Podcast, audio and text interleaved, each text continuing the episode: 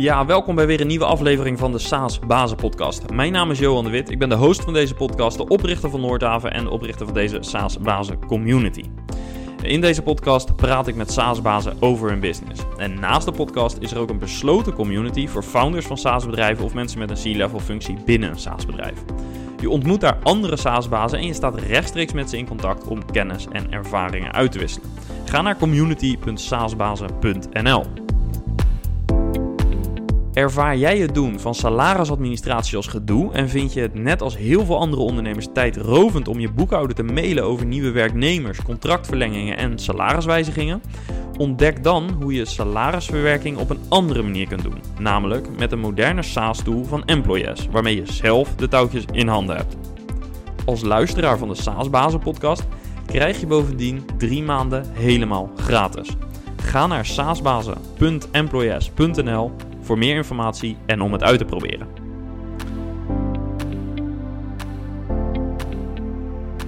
Vandaag praat ik met Niels Kallenbach van RouteLogic, een Nederlandse SaaS-oplossing voor het plannen van routes. En wat er bijzonder aan is, is dat Niels naast RouteLogic een andere business heeft, Orange Talent, een agency. Hij is dus een soort agencybaas en een SaaS-baas en daarover wilde ik Niels graag spreken. In aflevering 30 van deze podcast sprak ik met Robert Leefmans. Hij ging van agency owner naar SaaS-baas. En, eh, in die aflevering, en die aflevering maakte veel los onder ondernemers met een service business. Hoe kun je jouw service business productizen? Um, dat stond in die aflevering ook centraal. En vandaag dus nog zo'n gesprek, maar met een iets andere insteek. Waar Robert besloot om het agency lijf in te ruilen voor een SaaS-business, runt Niels de service business en de SaaS-business naast elkaar, gelijktijdig. Hoe ervaart hij dit en hoe verdeelt hij zijn aandacht? Hoe houdt hij focus? En wat zijn de valkuilen? Wat zijn de risico's? Je zult aan Niels horen dat hij een ondernemer in hart en nieren is. Kortom, genoeg reden voor een gesprek in deze podcast dus. Enjoy!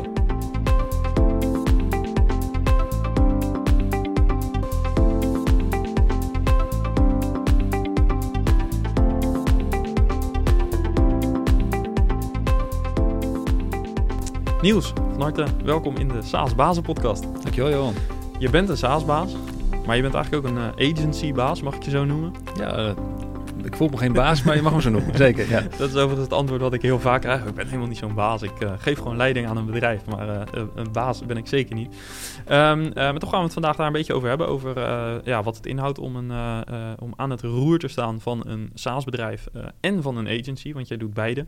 Um, zou je de luisteraar kort kunnen uitleggen ja, welke bedrijven dat zijn en wat jouw rol daar is? Ja, zeker. Ja, mijn naam is Niels Kallenbach. Um, ik heb een bureau Orange Talent. Dat is een digitaal bureau met 15 tot 20 specialisten. Uh, we hebben ontwerpers, um, uh, programmeurs en uh, marketeers in dienst. Dus full service, als je dat zo mooi zegt. We werken voor heel uitdagende klanten. En we hebben eigenlijk altijd al de wens gehad om onze business wat meer duurzaam te maken. Waardoor we niet alleen afhankelijk waren van de projectenbusiness die we deden. Maar dat we ook veel meer recurring omzet kregen. Nou, dat is in Orange Talent heel goed gelukt. Uh, inmiddels is 60% van onze omzet recurring. Maar de andere wens die er ook lag, was om ook een eigen product te ontwikkelen. Want we zitten met heel veel opdrachtgevers. Uh, zijn we in gesprek over hele mooie oplossingen voor hun. En uh, ja, het is natuurlijk heel mooi dat je zelf de tools in huis hebt om te designen. Echt perfect UX te maken, wat super lekker werkt voor je gebruiker. hetzelfde kan developen, echt ook gewoon beter dan iedereen. Uh, en dat je ook de marketeers in huis hebt om het te vermarkten, om het bekend te maken aan de markt. Dus ja, we hebben altijd al de wens gehad om daar iets mee te doen. En, en daaruit is RouteLogic ontstaan. Uh, RouteLogic uh, helpt je hele efficiënte bezorgroutes plannen. En ehm, ja, dat is super leuk om aan te werken. Ja, gaaf. Uh, nou, we gaan het over beide hebben zo. Um, je gebruikt het woord wij. Um, uh, je geeft aan, uh, we wilden graag een product ook bouwen zelf, voor onszelf. Um, was dat iets wat meer bij jou vandaan kwam, management, of was dat ook meer iets waar de developers zelf mee kwamen? Nou, om heel eerlijk te zijn, het, het komt natuurlijk initieel van mij vandaan. Ik bepaal toch wel de koers van het bedrijf, heel eerlijk gezegd. maar ik heb hele goede mensen die met me meedenken. En wat ik uh, in ieder geval van development ook doorkreeg en ook hoorde heel vaak is hoe vet zou het zijn als we aan een eigen product zouden kunnen werken. Uh, de service business die we hebben vanuit Orange Tent is natuurlijk best wel complex. Je hebt altijd deadlines, altijd uh, budgetten waarmee je moet werken. Je hebt altijd verschillende opdrachtgevers waar je mee hebt te dealen. De een is redelijk makkelijk in de omgang. De ander heeft nou ja, wat meer begeleiding nodig, zullen we maar zeggen. En um, ja, dat is altijd wel een beetje een red race. Het is wel hard rennen. Um, Terwijl als je aan een product werkt, en dat is ook meteen het grote verschil tussen beide, tussen een agency en, en een SaaS-product, is dat je um, daaraan door kan ontwikkelen en dat je ook gewoon een hele grote userbase hebt waar je het, aan, ja, waar je het voor maakt.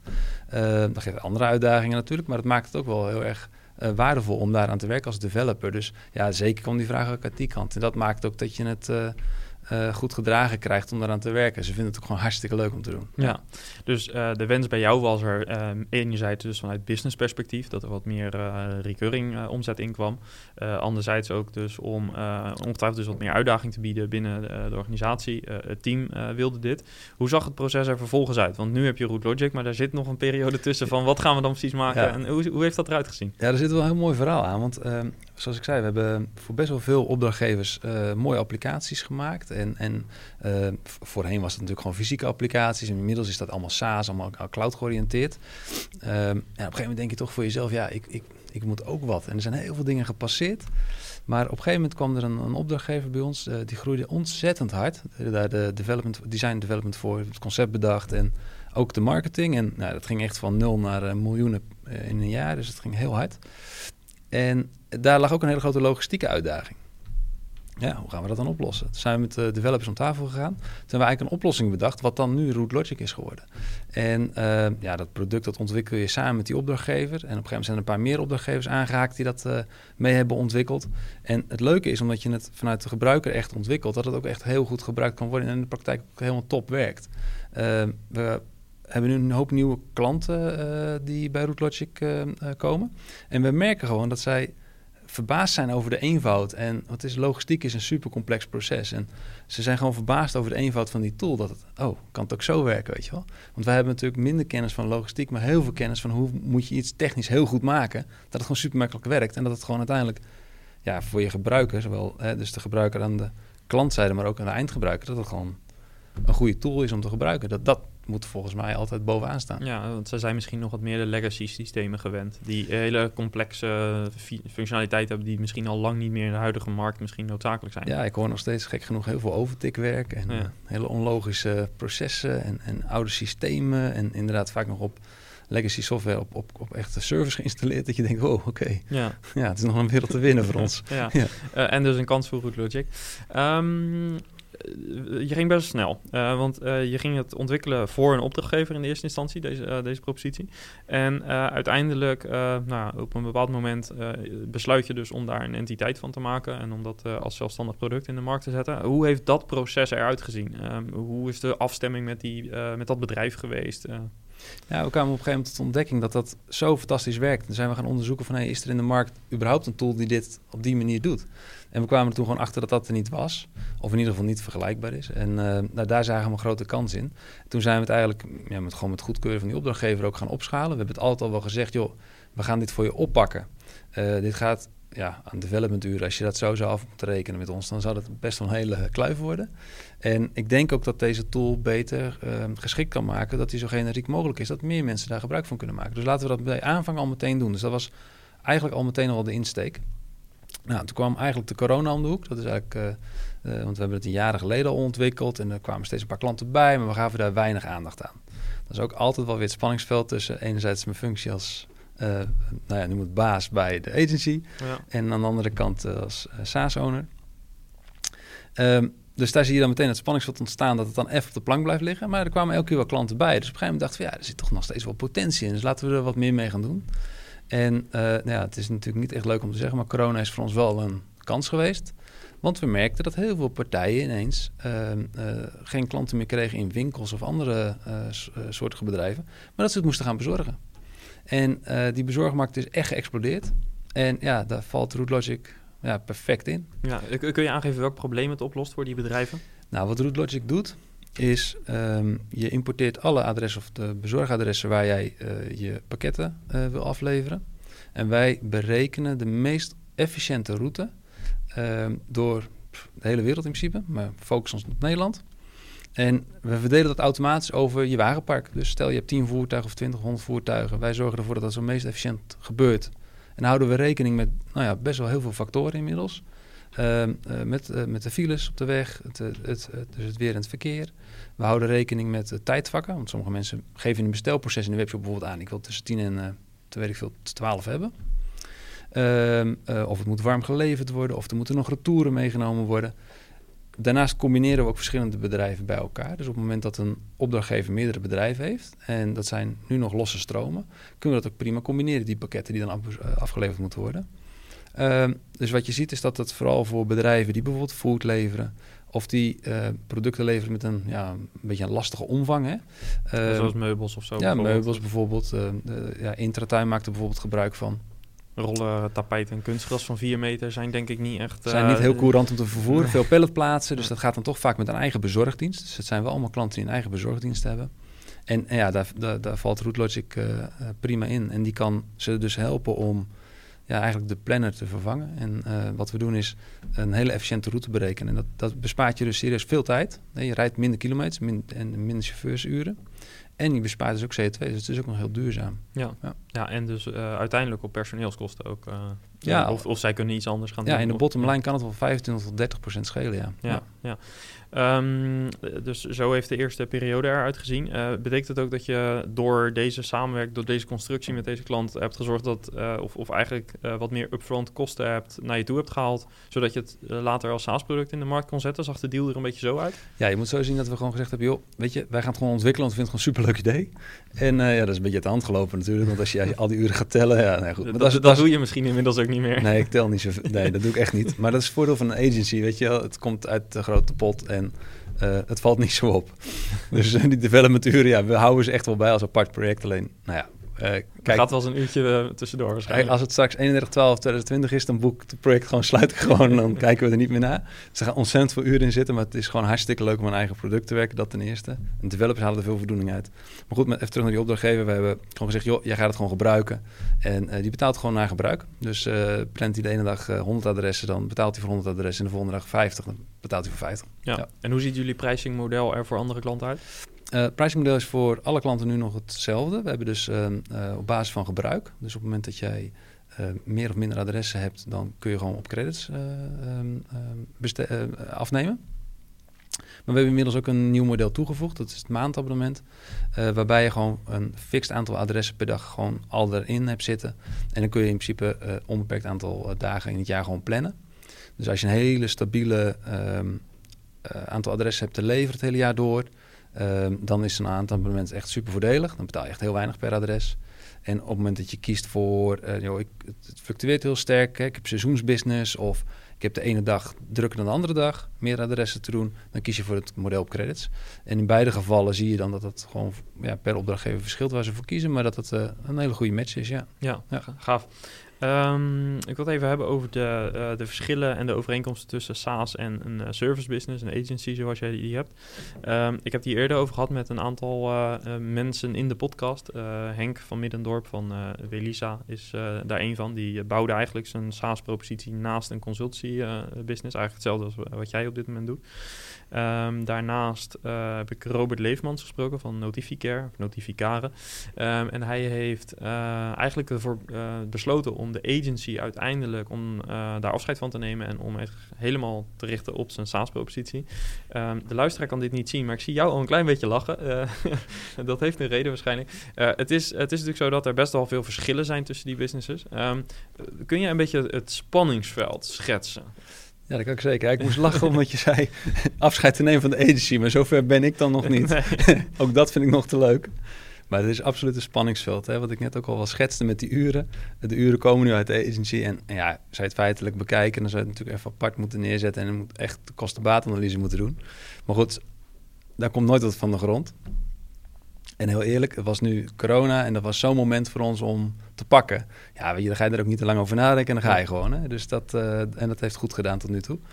Uh, maar het spanningsveld is natuurlijk wel dat ik enerzijds gewoon de opdrachtgevers uh, bedien vanuit mijn agency. En anderzijds natuurlijk ook ontwikkel aan een SaaS-product. Maar voor ons is het um, in die zin wel wat anders. Want we hebben bijvoorbeeld vanuit onze agency ook ons eigen CMS, Alcor CMS, ontwikkeld. En daar zijn we al jaren mee bezig. Dus wij weten wel hoe het is om aan een eigen product te ontwikkelen. En we hebben daar best wel hele starke uh, roadmaps voor, met ook gewoon deadlines. Het staat ook gewoon op de planning van iedereen. Um, dus in die zin zit altijd wel een spanningsveld, absoluut. Maar ik zie het meer als groot voordeel dat wij dus als agency die rollen al in huis hebben. Want ik kan me ook goed voorstellen dat er andere SaaS-bazen zijn die zeggen, ja, weet je, ik, ik moet dat allemaal inhuren en dat kost me ook bakken met geld. Dus ik hou features soms dan ook af. Of misschien sommigen hebben ook wel een development team al in huis. Hè? Maar ik kan me voorstellen, vooral bij de eerste fase, dat je dan um, je echt wel afvraagt, ja, ga ik nou een developer aannemen? Of ga ik het toch inhuren? Of zal ik die feature toch maar naar volgend jaar verplaatsen? Ja. ja, die discussie hebben wij wat minder. Natuurlijk kijken wij op de roadmap wel wat er echt essentieel is om nu toe te voegen. En wat we gewoon willen gaan doen, omdat het een, een vraag is van een klant of whatever. Um, maar ik denk door er een beetje strak en structureel uh, goed mee om te gaan, dat je dat ook als agency prima daarnaast kan doen. Ja, het is vooral nu de luxe dus. Uh, die je ervaart, omdat je de mensen hebt en het uh, op die manier de, ja. de tractie kan krijgen. Ja, we kunnen waanzinnig snel schakelen. Dat was in die coronatijd ook nodig. we hebben voor verschillende opdrachtgevers best wel wat specifieke vragen gekregen. Nou, die hebben we geprobeerd zo generiek mogelijk te maken, zodat we dat in het hele product konden toepassen. En maar zij hadden dat gewoon keihard nodig om nu even die corona door te komen. Ja, heel eerlijk, als ze me bellen, ik ga ze echt niet laten vallen. Dus we gaan daar gewoon ook vol gas voor. En ja, dan kan ik best wel wat schuiven met mijn andere projecten, zodat het toch gedaan wordt. En als je van een externe afhankelijk bent, dan is dat, ja, is dat toch wel wat lastiger, denk ik. Ja. Uh, wat heeft je tot nu toe het meest um, ja, verrast is misschien niet het goede woord. Wat, wat is je meest tegengevallen in het uh, ontwikkelen van, die, uh, van dat SaaS-product? Aan de productkant, of de saleskant, aan de distributiekant? Nou, de, de, ontwikkeling is natuurlijk iets wat heel dicht bij ons ligt. Dus daar, de, daar heeft ons weinig in verrast. Los van dat het zelf te lang duurt. En uh, ja, ga zo maar door. Dat, dat, dat, ja, goed, dat hou je toch altijd wel een beetje. Want je wilt net even beter maken dan anders. Um, ja, tot nu toe wat, wat kijk, wat, waar we nu in zitten, in die fase waarin we nu zitten, is de zaak dat we tractie krijgen. Dat we veel partijen bekend maken met het product dat we hebben. Dat we Root Logic gewoon over de bühne brengen als een hele fijne oplossing. Ik bedoel, er zijn echt bedrijven die bij ons nu onboorden, ja, die zijn echt gewoon verrast hoe fijn dat werkt. En jeetje, kan, ja, kan dit ook, joh? Dat wist ik helemaal niet. Hmm. Nou, dat kan dus wel. En uh, hoef je alleen maar ons even te bellen. En dan, dan, dan wordt het gewoon geregeld. En, en wat me in de positieve zin heel erg opgevallen, opgevallen is, is dat iedereen um, heel erg welwillend is om uh, mee te denken. En, want we proberen het product echt wel te ontwikkelen samen met de partijen die nu al aangesloten zijn. En met iedereen bedoel je dan klanten? Ja, de klanten, ja, Dan proberen we dat echt, uh, echt te ontwikkelen. En dat met hun op te pakken, want dan maak je denk ik echt waardevolle features. Nogmaals, we proberen het wel echt generiek te maken. Ze stoppen echt niet alles erin, want dan krijg je ook een soort spaghetti code. Dus dat wil je ook niet. En uh, ja, dat maakt het heel erg leuk, die welwillendheid. Ja. En uh, absoluut. Ja. ja. en daarmee kun je dus uh, doorontwikkelen. En ja, wordt het ook wat makkelijker om echt features te bouwen waar de markt ook echt om vraagt en op zit te wachten. Ja, op die manier creëer je denk ik echt waarde. Ja, ja. want ik kan me ook voorstellen, jullie komen niet van origine uit die logistieke markt. Dus juist daarom is het belangrijk om die klanten die, waar je mee het in het begin ook hebt ontwikkeld, om die er, erbij betrokken te houden. Ja, nee, dat is, dat is wel essentieel. Um, want wij horen nu dingen van hun die wij niet dagelijks meemaken natuurlijk, waar zij wel mee worstelen. Een van onze opdrachtgevers had bijvoorbeeld dat hij toch nog contant betalen bij afleveren deed. Of contant, het staan vaak nu pinnen, de corona, maar goed, dat deed hij wel. Dus die chauffeur moest wel weten dat er nog betaald moest worden. Ja, dat zijn dan features, ja, die kun je generiek prima doorvoeren. Maar dat lijkt me een hele waardevolle feature. Hadden wij niet nee, je moet gedacht. het wel even weten. Ja, hadden wij niet aan gedacht. Dus dat is zo'n praktijkvoorbeeld. En er zijn er legio van. Ehm, die echt waarde toevoegen aan je product. En uh, ja, die maken gewoon je product vele malen beter. En daardoor is iedereen ook verrast wat er allemaal al in zit. Want er is allemaal aan gedacht al. Ja. we het ontwikkeld hebben samen met die klanten. Ja. ja. Als we even teruggaan naar het begin. Wat heeft het je, jouw team gebracht? Uh, want je team wilde dit ook graag, hè, een eigen product. Uh, wat is uiteindelijk nu, wat, hoe staan ze daar nu in? Nou, wat je merkt is dat ze het uh, steeds leuker gaan vinden. Ik zag op LinkedIn al dat ze hun functietitels veranderd hadden. Ze werkten ineens bij twee bedrijven. Ah, kijk. Nou, ik denk, oké, okay, wist ik dan nog niet helemaal dat we zover waren. Maar nou, zover zijn zij dus al wel. Maar dat geeft ook wel aan dat ze er echt mee bezig zijn. En uh, ja, wat ik eerder al, al gezegd heb, development is, uh, is natuurlijk... Ik vind het echt heel erg leuk om een product door te ontwikkelen. Ehm, als je kijkt naar... Ons voorbeeld is toch wel Mailchimp. Hè? Mailchimp was heel vroeg een agency. Die heeft een toeltje gemaakt om nieuwsbrieven te versturen. Nou, dat, nou, de rest is history. Ja, het is waardig gelukt, zeg maar. Nou, dat, dat voorbeeld hou ik hun ook altijd wel voor. Dat kennen ze ook natuurlijk wel. Maar dat is natuurlijk wel onze stip aan de horizon. Dat is toch wel niet dat we van de agency af willen of zo, helemaal niet. Maar uh, uh, ja, als je toch zoiets kan bereiken, is waanzinnig knap. En dan heb je het echt goed gedaan, wat mij betreft. Ja. ja. Nou, daarmee leid je eigenlijk een van de vragen die ik uh, toch al vaak wel stel in, stip aan de horizon. Um, ja, vertel het maar. Welke is Ja, nou, wat we, de eerste stip die we natuurlijk een paar jaar geleden hadden gezet... is dat we niet alleen maar afhankelijk zijn van eenmalige projecten. We wilden veel meer recurring business erin. Nou, dat is goed gelukt met 60%. Um, nou, daar gaan we gewoon mee door. Weet je, Orange Talent draait supergoed. We hebben onwijs leuke, ambitieuze klanten. wij zoeken ambitieuze organisaties die we ook echt oprecht verder kunnen helpen. Dus waar wij als organisatie toegevoegde waarde hebben. En uh, ja, dat is, dat is waanzinnig om te doen. Dus ja, die, die lijn willen we gewoon uh, doorzetten. En uh, ook daar moeten we werken aan onze bekendheid, zodat meer van dat soort organisaties met ambities bij ons uitkomen. Nou, Root Logic zal uiteindelijk een zelfstandige, echt helemaal zelfstandig moeten gaan staan met een eigen development team en eigen marketing team. maar dat is een stap die we nu nog moeten maken. Maar dat is wel mijn wens. En op den duur, ja, ja, ja kun je allemaal wel invullen wat er allemaal kan gebeuren als je het losstaand hebt en doorontwikkelt. En, ja. ja. En voor jou persoonlijk, uh, want we zitten natuurlijk in de SaaS Bazen podcast, dus het gaat uh, onder andere over jouw oplossing, over je product, je bedrijf, maar ook over jou. Um, wat is voor jou zelf uh, jouw horizon? Waar werk je naartoe? Nou, waar ik naartoe werk is toch dat Orange wat meer zelfstandig kan draaien zonder nou ja, altijd mijn aanwezigheid. Dat is ook gewoon wel nodig om toch focus te kunnen houden. Uh, wat ik erg leuk vind is het werken en het ontwikkelen aan, aan producten, zoals Root Logic. Uh, dat is denk ik waar ik goed in ben.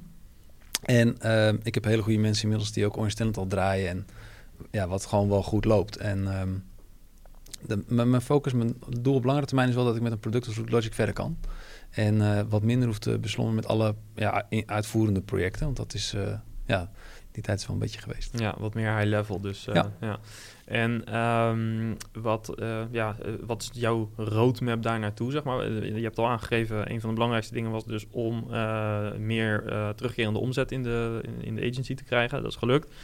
Uh, andere stap was überhaupt om een SaaS-product op de markt te zetten. Dat is ook gelukt. Ja. Um, dat je dat wil groeien is evident, beide. Um, maar wat zijn, zeg maar, als ik nu uh, jouw strategische agenda voor het komend jaar zou zien? Wat staat daar dan een beetje in? Wat voor milestones?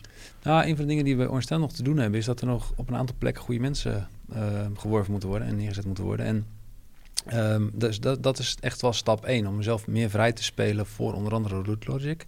Um, op het moment dat we Root Logic, um, als, als dat ook gelukt is, dan kan ik met Root Logic ook harder doorontwikkelen.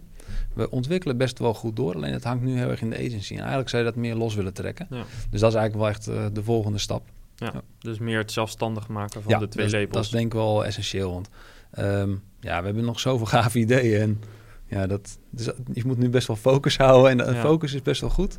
Alleen we willen zoveel meer waarde toevoegen en meer snelheid maken om, om, om een nieuwe feature in het product toe te voegen. Want ja, ik geloof echt dat als je product fantastisch is, dat uh, de rest ook zelf, vanzelf wel komt. Weet je wel? Dat, uh... Ja, en uh, hoe ja, hou je nu die focus? Want hoe verdeel je bijvoorbeeld je tijd over die twee bedrijven? Hoe, ja, hoe ziet dat uit? Ja, wat ik probeer te doen is echt wel... ja, ik werk best wel heel gestructureerd met allerlei Trello-dingen en zo. Dus echt, dat is dan heel inhoudelijk. Maar... Um, uh, wat ik sowieso probeer is om echt tijd in mijn week te blokken om sec aan Root Logic te werken. De, doe je dat vanaf het begin? Nou, niet helemaal. Dat is eigenlijk nu een beetje ontstaan omdat ik gewoon merkte dat dat anders te veel door elkaar ging lopen. En uh, ja, dat is gewoon helemaal niet nodig. het is veel efficiënter om gewoon één of twee dagen vol gas met Root Logic bezig te zijn. Alle lijnen uit te zetten en dat, dat gewoon week in week uit zo te doen. En dat werkt voor mij, uh, ja, dat werkt tot nu toe heel goed. ja.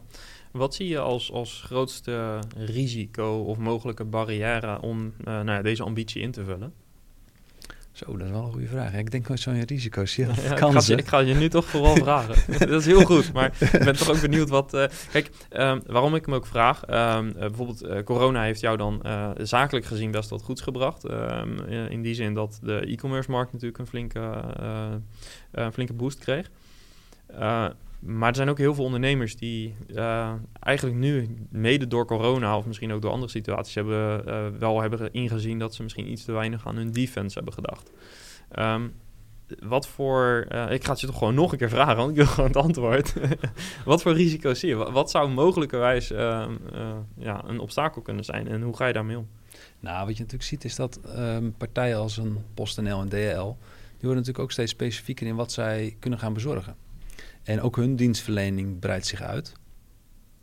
Um, dan denk ik wel dat ze al dusdanig hard groeien en dat die markt dusdanig onder spanning staat nu. En als ik zie operationeel hebben ze er echt nog wel wat stappen in te maken. Als ik soms zie hoe PostNL en DL mensen bij ons binnenkomen op de zaak, dan denk ik, nou oké, weet je, volgens mij Moet je daar eerst van denken. Maar goed, ze zijn gewoon heel hard aan het rennen om alles weg te krijgen, denk ik. Dus voorlopig ziet daar nog geen gevaar in. Maar je ziet al wel dat bijvoorbeeld PostNL heeft zijn eigen food delivery network. Nou, dat loopt niet fantastisch, dat moet ik wel zeggen. Uh, want we hebben met een aantal opdrachtgevers vanuit onze agency daarvoor gewerkt. Ja, dat is best wel uh, soms om te huilen. Dus ja, als zij dat professioneler en beter krijgen, ja, dan, dan, dan um, zal onze klant vanuit Root Logic ook op een gegeven moment kiezen om dat soort um, um, producten ook bij hun uit te besteden. En dan ga je het hele logistieke proces in van een PostNL die dat echt wel goed voor elkaar hebben. Ik bedoel, dat is een core business. En dan hebben ze onze tooling bijvoorbeeld niet meer nodig. Hm. Dus dat zou, ja, als je dan kijkt naar risico, zou dat misschien een risico zijn. Maar er ontstaan altijd bedrijven. Ik heb ook een, een opdrachtgever die groeit ook waanzinnig hard. En die belde me laatst op. Joh, Niels, ik heb uh, gezien dat jullie dat ook doen. Ik zei, oh ja, nou, helemaal vergeten. Het is dan een, een, klant van de agency. Helemaal vergeten te vertellen. Ik denk, ja, het zal niet relevant zijn. Die vergeet ook eens wat. En die me ja, ik zit nu te kijken. Ik wil eigenlijk mijn eigen bezorging gaan doen. Want ik heb best wel gekke producten, dat weet je. Ja, klopt. Die verkoopt airco's en boilers. Ja, dat moet ook verkocht worden. En uh, zeg, ja, ik heb nu een externe bezorgdienst. En uh, ja, er is altijd wel wat. En ja. ik heb daar weinig flexibiliteit in. En ons volume is dusdanig toegenomen... dat we gegroeid zijn met die externe logistieke partij. Dat is prima. Maar ja, ik heb ook een mannetje over nu. En eigenlijk, ja, die kan prima op de busje rijden. Ik heb al een bus. Dus ja, waarvoor zou ik het niet zelf gaan doen? Nou, die is nu aan het kijken, eigenlijk met ons, wat is het omslagpunt? Daar hebben we een tool voor ontwikkeld dat je het omslagpunt kunt berekenen tussen zelf bezorgen of het toch uitbesteden. Nou, en hij zit gewoon heel erg dicht bij het omslagpunt. Sterker nog, hij gaat gewoon echt tijd en geld besparen als hij het uh, Route afneemt en zelf gaat plannen. En wat hij daarbij krijgt is flexibiliteit. Hij kan zijn klant track en trace sturen. Zijn klant belt, weet ook daadwerkelijk, hey, uh, Piet is met de bus onderweg. Hij ziet het gewoon op in, in de software. Hij rijdt nu op de A12. Nou, hij is bijna bij je, weet je wel. Dus uh, dat maakt de lijntjes ook veel korter. En uh, dat is dan wel een hele grote reden om daarvoor te kiezen. Dus het zal niet lang duren voordat die uh, Route ook gaat gebruiken. Ja. ja. Nou ja, en dit is natuurlijk al een beweging die ook een paar jaar geleden door bijvoorbeeld Coolblue is ingezet. Nu zijn natuurlijk weinig spelers zo groot als Coolblue, maar het geeft wel een voorbeeld. En het laat ook zien dat je naast het product... Want op zich op die boiler kun je niet zo heel veel meer uh, differentiëren. Uh, je kan hem een, nee. iets goedkoper aanbieden of uh, ja, wat dan ook, maar dat is niet meer de, waar je het echt op wint. een, een echt waar je differentiators kunnen zitten is natuurlijk in payments en delivery. Ja, ja, last mile is heel belangrijk. En wat je nu net in die last mile kan doen, is dat je gewoon veel meer service kunt bieden. Ja. Coolblue heeft natuurlijk die, die wasmachine, zodat ze die oude meenemen. En ja. nou, dat zouden we met de boilers bijvoorbeeld dan ook kunnen doen.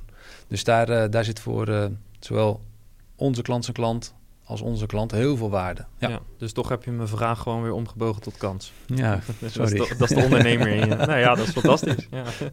dat is ook een antwoord. Helemaal goed. Um, als het gaat om cultuur, bedrijfscultuur, bij een agency, eh, ja, eigenlijk in welk bedrijf is het niet belangrijk. Hè? Je wil altijd een, een uh, cultuur hebben die stimuleert, die zorgt dat mensen op een uh, plek zitten. Um, maar zeker ook bij een agency wordt er vaak veel aandacht aan besteed, omdat er heel veel gevraagd wordt van de creativiteit van mensen, van de scherpte van mensen om continu weer voor klant het optimale te kunnen leveren. Um, wat, uh, hoe zou je jouw cultuur omschrijven en uh, ja, hoe heb je deze cultuur zo samengesteld en gebouwd? Nou, wat je, dat zeg je absoluut goed. Het is gewoon super belangrijk, denk ik, in elk bedrijf dat je een, een, een, een, een cultuur bouwt. En dat kost best wel wat jaren natuurlijk voordat je zover bent die, waar medewerkers zich prettig voelen. En die passen bij jouw idee als ondernemer hoe je met je klanten om wil gaan. Nou, wat wij echt proberen als agency is heel toegankelijk te zijn voor onze opdrachtgevers. Dus uh, ja, je kunt bij ons gewoon letterlijk rechtstreeks een developer bellen. Nou, het schijnt heel bijzonder te zijn. Ik vind het vrij normaal, maar als ik dat dan van andere partijen hoor die klanten, klanten stappen naar ons over en die vertellen wat over de andere relatie, hoe dat ging met de bureaus. Ja, dan, dan krijg je eerst een Scrum Master, en dan krijg je een Project Manager, en dan krijg je nog die en dan krijg je die. Voordat je uiteindelijk die vraag beantwoord hebt, ben je twee weken verder, is niet het antwoord wat je wil. Want ze stellen altijd weer een vraag terug. Hè. Ze gooit eigenlijk gewoon weer terug over de schutting. En je hebt je probleem nog steeds niet opgelost. Nou, die frustratie, dat, dat willen wij niet. Ze willen gewoon super toegankelijk zijn. Ook proactief zijn. Dus we proberen ook kansen te signaleren voor onze opdrachtgevers. Dat is echt wel een uitdaging, want we er vrij veel hebben. Maar we proberen altijd wel met ze mee te denken. En, en omdat we voor heel veel branches werken, we zijn niet één specifieke branche aan het penetreren. En zien we dus ook brancheoverstijgend um, oplossingen. En die kunnen we ook aanbieden aan andere klanten. Dus dat maakt wel dat je uh, ook heel proactief kunt zijn. En dat is eigenlijk daar, daar zoek je eigenlijk je mensen op uit. Dus uh, mensen die zelf van, van nature ook open zijn, makkelijk in contact. Het leuk, ook echt oprecht leuk vinden om iemand te helpen. Want weet je, als je, dat al, als je het al vervelend vindt als iemand belt, ik heb je de klant weer. Maar, maar, hou je daar dus ook rekening mee in je uh, recruitment proces als het gaat om developers bijvoorbeeld? Ja, zeker. Ja, onze developers zijn redelijk communicatief. Hm. De meeste developers zijn het wat dat betreft toch... Ja, anders word je geen developer. Ik bedoel, die hebben kwaliteiten en dat is niet altijd uh, met mensen uh, chit-chatten en over koetjes en kalfjes praten.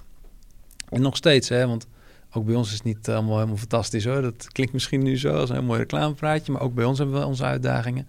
Maar wat we echt heel bewust proberen, daarmee bijvoorbeeld ook opleidingsbudgetten voor onze medewerkers, waarin we ze ook echt stimuleren om niet zozeer vakinhoudelijk alleen maar beter te worden, maar ook op persoonlijk vlak. Dus als een developer een uitdaging heeft met communiceren, of hè, vindt dat lastig, uh, of met plannen, whatever, dan, dan helpen we hem daar ook mee. En dan sturen we hem ook op allerlei trainingen en dingen om daar verder in te komen. Want dat voegt denk ik heel veel waarde toe in die relatie. En uh, ja, beter zijn mijn opdrachtgevers kunnen vragen hoe ze dat ervaren. En, uh, maar ik denk dat dat best wel heel goed gaat. Dat ze dat echt wel, dat ze ons echt als toegankelijke partij ervaren. Ja.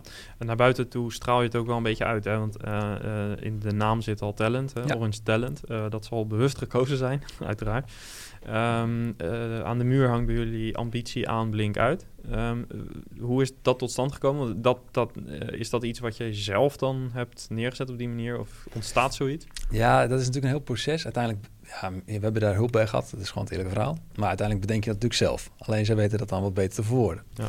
Dus we hebben dat met de jongens van Open Field gedaan uit Utrecht. Uh, hele fijne gasten. Ze hebben met ons gekeken naar de markt. Hoe ziet de markt van een agency eruit? Hoe gaat die zich de komende jaren ontwikkelen? En hoe kun je dan een plek in het weiland kiezen waar niet alle koeien staan te grazen, maar waar je toch wat meer alleen staat? Want vaak heb je daar wat langer gras. En uh, nou, dat is een beetje van Jos Burgers trouwens gepikt hoor, maar uh, ik vond het wel leuk. Ja, ja.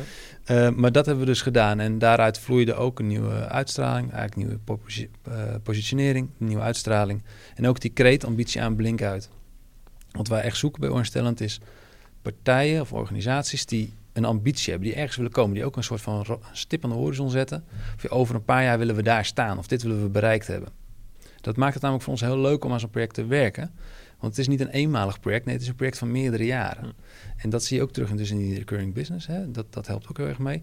Maar je gaat echt samen met zo'n organisatie uh, uh, dat pad bewandelen. In plaats van dat je gewoon echt sec een middel oplevert. Wat ja, doel heilig nooit de middelen. Dus dat vinden we heel belangrijk dat er altijd een ambitie is. En, en, en niet iedereen heeft dat scherp. Weet je, dat, dat is ook een proces waar je soms met een aantal mensen over moet spreken. Juist met denk ook met buiten je bedrijf. Want je hebt zelf toch een beetje oogkleppen op soms. Nou, en dat is wel onze kunde. Is dat we met partijen kunnen spreken.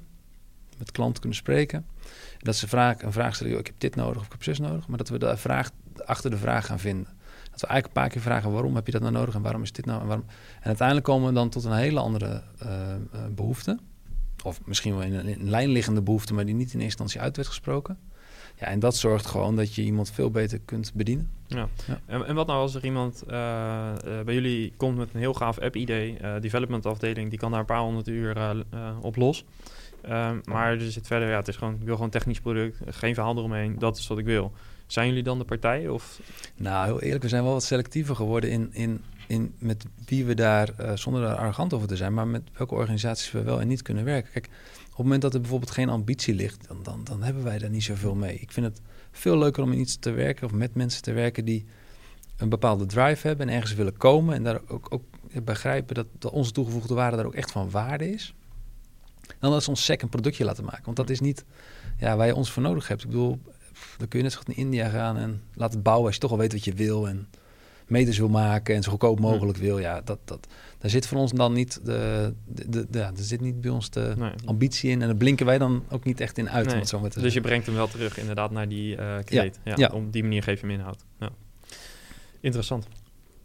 Um, cultuur en corona, dat is uh, misschien nog wel een dingetje. Um, dit is, inmiddels uh, nemen we dit op in de tweede golf, zou je kunnen zeggen. Volgens mij wordt het een beetje zo genoemd. Um, wat heeft corona uh, in de eerste periode met jullie team gedaan? En, en, en hoe is dat nu? Nou, wat ik echt zag, ik geloof 16, 17 maart was de eerste persconferentie. En er werden alle maatregelen aangekondigd. Nou, ik was net twee weken daarvoor in Oostenrijk geweest. Nou, heel eerlijk, daar was al wel wat aan de hand. En in Ischol hebben ze toen ook twee weken lang door laten draaien. Want die Oostenrijkers zijn ook niet helemaal gek. Hè. Die, die spekken de economie ook liever dan dat ze daar wat van afsnoepen. En dus we hadden al wel door. En ik heb een aantal opdrachtgevers die in China werken. Dus we wisten al dat er wat aan ging komen. Maar dat het dit effect zou hebben, dat hadden wij niet verwacht. En um, het voordeel voor ons is dat wij veel terugkerende omzet hebben. Dus er gebeurde niet direct wat. Een uh, aantal klanten die in sectoren zitten die hard geraakt worden, die, ja, die hingen natuurlijk meteen aan de telefoon. Ja, dat is best wel heel heftig, want die mensen ja, die hebben gewoon nul omzet in één klap. Ja, dat is onbegrijpelijk. En het enige wat je dan, naar mijn mening, kan doen, is gewoon met ze meedenken. Niet aan contracten houden, gewoon helpen. Weet je, dat is, het enige, is echt letterlijk het enige wat telde. Wat we toen meteen zijn gaan doen, is ook echt al onze opdrachtgevers bellen. Gewoon echt, gewoon echt waar we gewoon veel contact met allemaal bellen. Gewoon horen hoe gaat het, wat voor impact heeft het op jou. En nou, gelukkig 99% daar viel dat allemaal wel mee. Sommigen keken een beetje de kat uit de boom. Sommigen besloten juist om door te investeren en door te gaan. Dus grosso modo was dat echt wel oké. Maar het brengt heel veel rumoer met zich mee. Want er waren een aantal opdrachtgevers die wel uitgeraakt werden. Ja, die wil je snel helpen. Dus hele planning op de schop. Nou, het hele kantoor naar huis. Want je, dat wil je ook niet. Je wil die mensen ook je wil echt vooral veiligheid en gezondheid van die mensen zijn gewoon super belangrijk. Dus iedereen naar huis, alles organiseren. Nou, dat ging allemaal wel snel. Want ik bedoel, wij kunnen prima remote werken. Ja, ja. Nou, gelukkig was het allemaal lang goed geregeld. Dus die omschakeling hoefden we niet te doen. Maar om dan terug te komen op je vraag over de cultuur. Ja, ik vind dat wel lastig, moet ik eerlijk bekennen. Want uh, wat ik juist probeer is een, uh, een, uh, een bedrijf te bouwen met mensen die helemaal... Ja, dat echt een geoliede machine is, wat een goed team is, wat goed op elkaar ingespeeld is, wat kan lachen met elkaar, soms kan huilen misschien, ik weet niet, volgens mij nu is heel wat gebeurd, maar in theorie zou dat kunnen.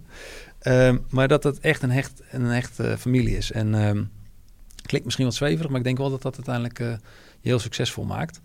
Dus ja, dan stuur je iedereen naar huis en dan is iedereen heel alleen. Dat, vind ik wel als even taai. Dus nou, wat ga je dan doen? Daar heb ik ook even over na te denken. Je hebt niet heel veel tijd. Die tijd window was vrij beperkt natuurlijk.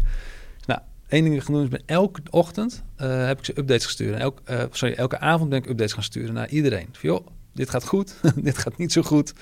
En bedankt voor jullie inzet, weet je. En hou vol en ja, zit er allemaal in. Nou, dat denk ik elke dag.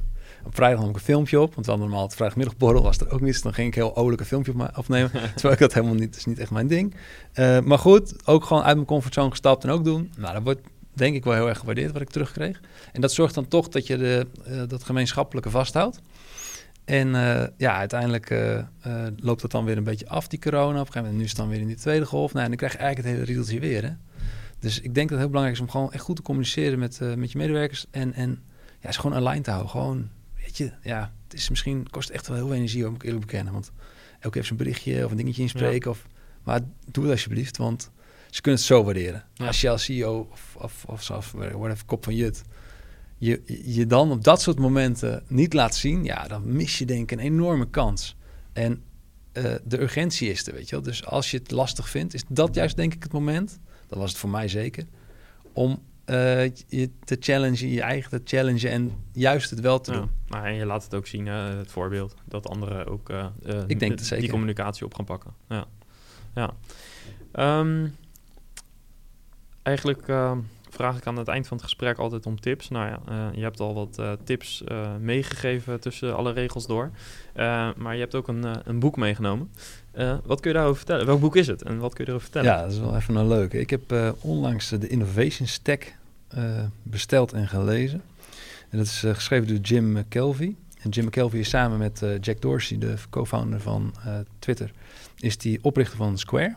En Square is eigenlijk de partij die de ja, gevestigde creditcardmaatschappijen, de grote jongens, American Express en dat soort partijen, heeft gechallenged met een, met een start-up. En in het boek, uh, hij, is eigenlijk, hij was eigenlijk verbaasd dat op, tot op het moment dat Amazon in zijn markt kwam, dat bedrijf groeide en groeide. En wat zij deden een soort, uh, het, maakte creditcardtransacties beschikbaar voor de, voor de kleine MKB'er. Daar keken de grote partijen niet naar om.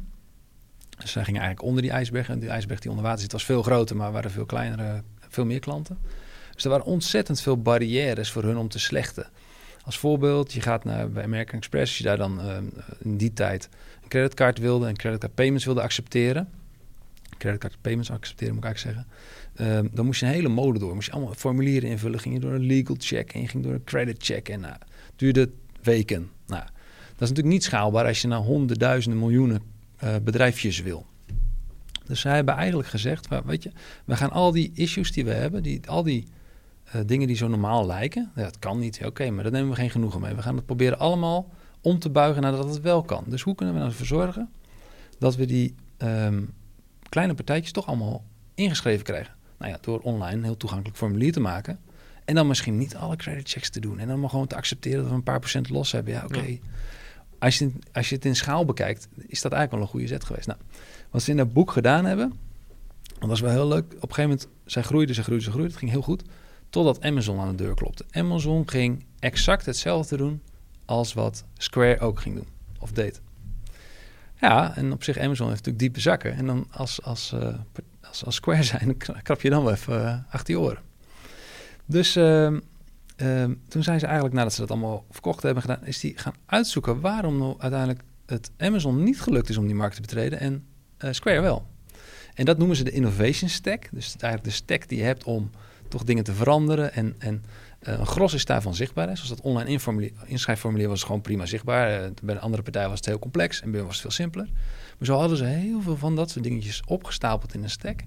En niet alles was daarvan zichtbaar. Waardoor eigenlijk Amazon met veel meer geld, veel meer marketing power, veel meer naamsbekendheid... het toch niet voor elkaar krijgen. En uiteindelijk dus gewoon die markt heeft verlaten. En, en zijn oude gebruikers, dus de oude gebruikers die dus de Amazon uh, payment, creditcard payments uh, deden, hebben ze gewoon Square boxjes gestuurd. Veel ga gewoon bij Square, want wij stoppen ermee, maar Square is een prima partij om in te gaan. Ja, dat vind ik briljant. Dus als je dat boek leest, het leest super lekker weg. Um, ik, ik denk dat het goed is, en daar zit ook een deel in van mijn eerdere verhaal, is dat je uh, door te innoveren, dus door je product steeds beter te maken, door toegevoegde waarde te bieden, uiteindelijk gewoon het verschil gaat maken. Ja, dus focus op je product. Absoluut. Ja. En um, wat is, uh, zeg maar, even los van dit boek. Ik zal ervoor zorgen dat uh, de titel in de show notes uh, terechtkomt, zodat mensen het kunnen bestellen als ze dat willen. Um, toch nog even over dat proces om, om aan, je, aan een beter product te werken. Wat, wat doe jij daar, los van de inzicht uit het boek, wat doe jij ervoor om echt, zeg maar, dan de focus op dat product te houden? Want op een gegeven moment kan ik me ook voorstellen dat, en dat zie je best wel vaak bij SaaS-bedrijven ontstaan, dat er heel veel ja, gebruikers feature request gaan doen.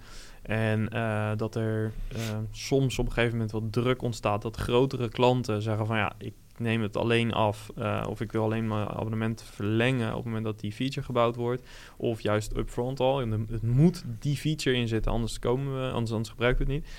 Um, hoe hou je dan toch het focus op dat product? Hoe kijk jij daar tegenaan? Ja, dat is wel, wel leuk. Als je kijkt naar als agency, ja, dan heb je eigenlijk wel de vraag van je klant te beantwoorden. Toen kun je daar ook een keer tegen ingaan, je kunt daar wel over hebben. En dat is allemaal wel ook om te buigen. Maar dan ben je veel, ja, je bent een service business, je bent veel gedienstiger. Bij um, een product, zoals een SaaS-product als Logic, ja, wij zijn uiteindelijk wel degene die bepalen of iets gedaan wordt, ja of nee. En nee is ook een antwoord. Alleen dat is niet altijd het makkelijkste antwoord. En dat is ook niet altijd wat iedereen wil horen. Maar wat ik me de afgelopen tijd is opgevallen, ik heb heel veel contact met de klanten die al in Root zitten die dus feature request doen. Maar ik heb ook heel veel contact met mensen die dus willen onboorden en die dus juist die tool in willen. En dus je hoort van beide kanten waar ze behoefte aan hebben. En het grappige is dat je, ik, ik sprak iemand tuin en die heeft een bepaalde manier van werken en nou, die wil een feature request hebben. En ik zei, joh, maar dat is prachtig, maar een andere opdrachtgever van ons, die doet het op die en die manier. Is dat niet, is dat, ah ja, eigenlijk, dat is eigenlijk veel beter. Dus je kunt het soms ook ombuigen dat het uh, toch een generieke oplossing is die iemand prima past. Ik bedoel, het hm. hoeft niet altijd te zijn dat je gaat werken naar hoe de klant het wil. Ik denk dat je een generieke oplossing moet bouwen die voor alle klanten werkt. En dat je dat altijd vast moet houden. Want anders dan maak je straks echt een product met... Ja, wordt een soort uh, vijfkoppig monster. Met enorme spaghetti code, met allemaal if-else en allemaal uitzonderingen. Ja, dat, dat is niet de bedoeling volgens mij van zo'n product. Nee. Dus uh, ja, daar zijn we denk ik dan zelf wat strenger in. Uh, maar we proberen ook mee te denken. Dus we proberen dus die features om te buigen. En ook klanten die erin willen en zeggen, ja, ik heb dit echt nodig. Ik zeg, man, ja, sorry, het zit er niet in. Ja, dat is gewoon het eerlijke antwoord. we gaan het ook niet op korte termijn bouwen. Nee. Uh, dat is zo specialistisch. Dan is niet de goede tool voor jou. Ja, nou, zo interessant. Ik heb hier um, eerder uh, in het gesprek met um, uh, Simplicate... Uh, met Peter en Gerard over gehad. Zij zijn de founders van Simplicate. Uh, volgens mij even uit mijn hoofd zegt aflevering 12 van deze podcast. Uh, hebben we ook over gehad. en wat zij ook heel erg duidelijk aangaven. bouw, zoek de best practice. Bouw iets waar mensen op kunnen aansluiten. Een visie. Dus ontwikkel een visie op je product. schrijf dat op en bouw vervolgens aan de, aan de hand van die visie. En laat je niet te veel meesturen in alle feature requests die binnenkomen. om maar één of twee klanten te pleasen ook niet als je aan het beginstadium zit en die omzet hard nodig hebt. Blijf je wel je eigen koers houden. Luister wel naar je klanten, maar hou ook je eigen koers. En uh, uh, ik hoor jou uh, ja, eigenlijk min of meer hetzelfde zetten. Ja, dat is wel leuk, want dat, dat, we hebben bijvoorbeeld een, vanuit Orange Talent hebben we de barbecue en buffettenboer bedacht. Dat is een bedrijf dat, dat was een slager, lokale slager. En zei, joh, ik wil over de hele, in heel Nederland barbecues en buffetten bezorgen, maar helemaal compleet. Eigenlijk alleen barbecues als eerste vraag. Zei, oké, goed verhaal Gaan we even uitzoeken of daar markt voor is, of dat kan. Of je ook ziet wat dat voor impact heeft. Uiteindelijk besloten om toch samen in zee te gaan en om dat concept te ontwikkelen. En dat concept is gestoeld. Uh, is misschien goed om iets, iets duiding te geven aan barbecue en vetboer. Brengt dus je, je barbecue, je vlees, salades, bordenbestek, alles erop en eraan.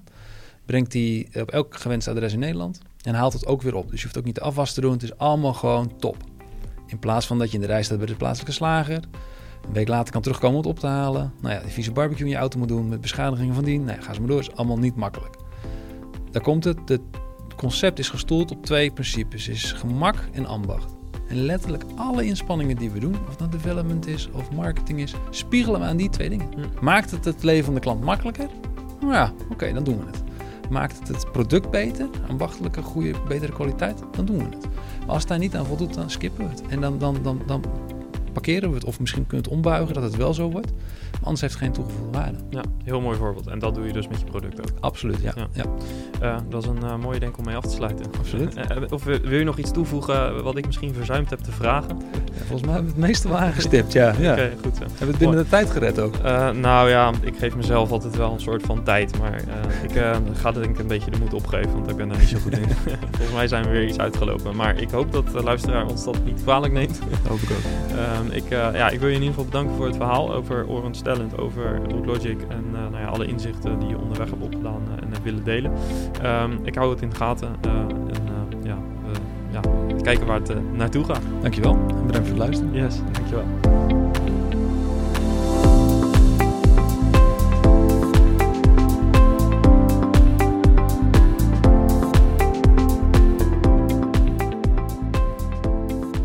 Yes, en tot zover mijn gesprek van vandaag. Ben je zelf een SaaS-baas en wil je met andere SaaS-bazen sparren over jouw business? Meld je dan aan voor de community op community.saasbazen.nl.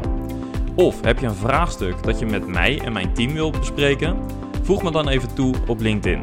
Vermeld daarbij dat je via de podcast komt, want ik krijg aardig wat verzoeken en op die manier kan ik jouw vraag er wat sneller uitfilteren. Wil je het verhaal van vandaag delen met een SaaS-baas uit jouw netwerk? Stuur de aflevering dan door. En heb je feedback op de podcast of wil je eh, jouw verhaal delen? Of heb je veel plezier in het volgen van de podcast? Laat dan een review achter en schrijf op wat je ervan vindt. Bedankt voor je support en ik zie je graag volgende week weer. Bye bye!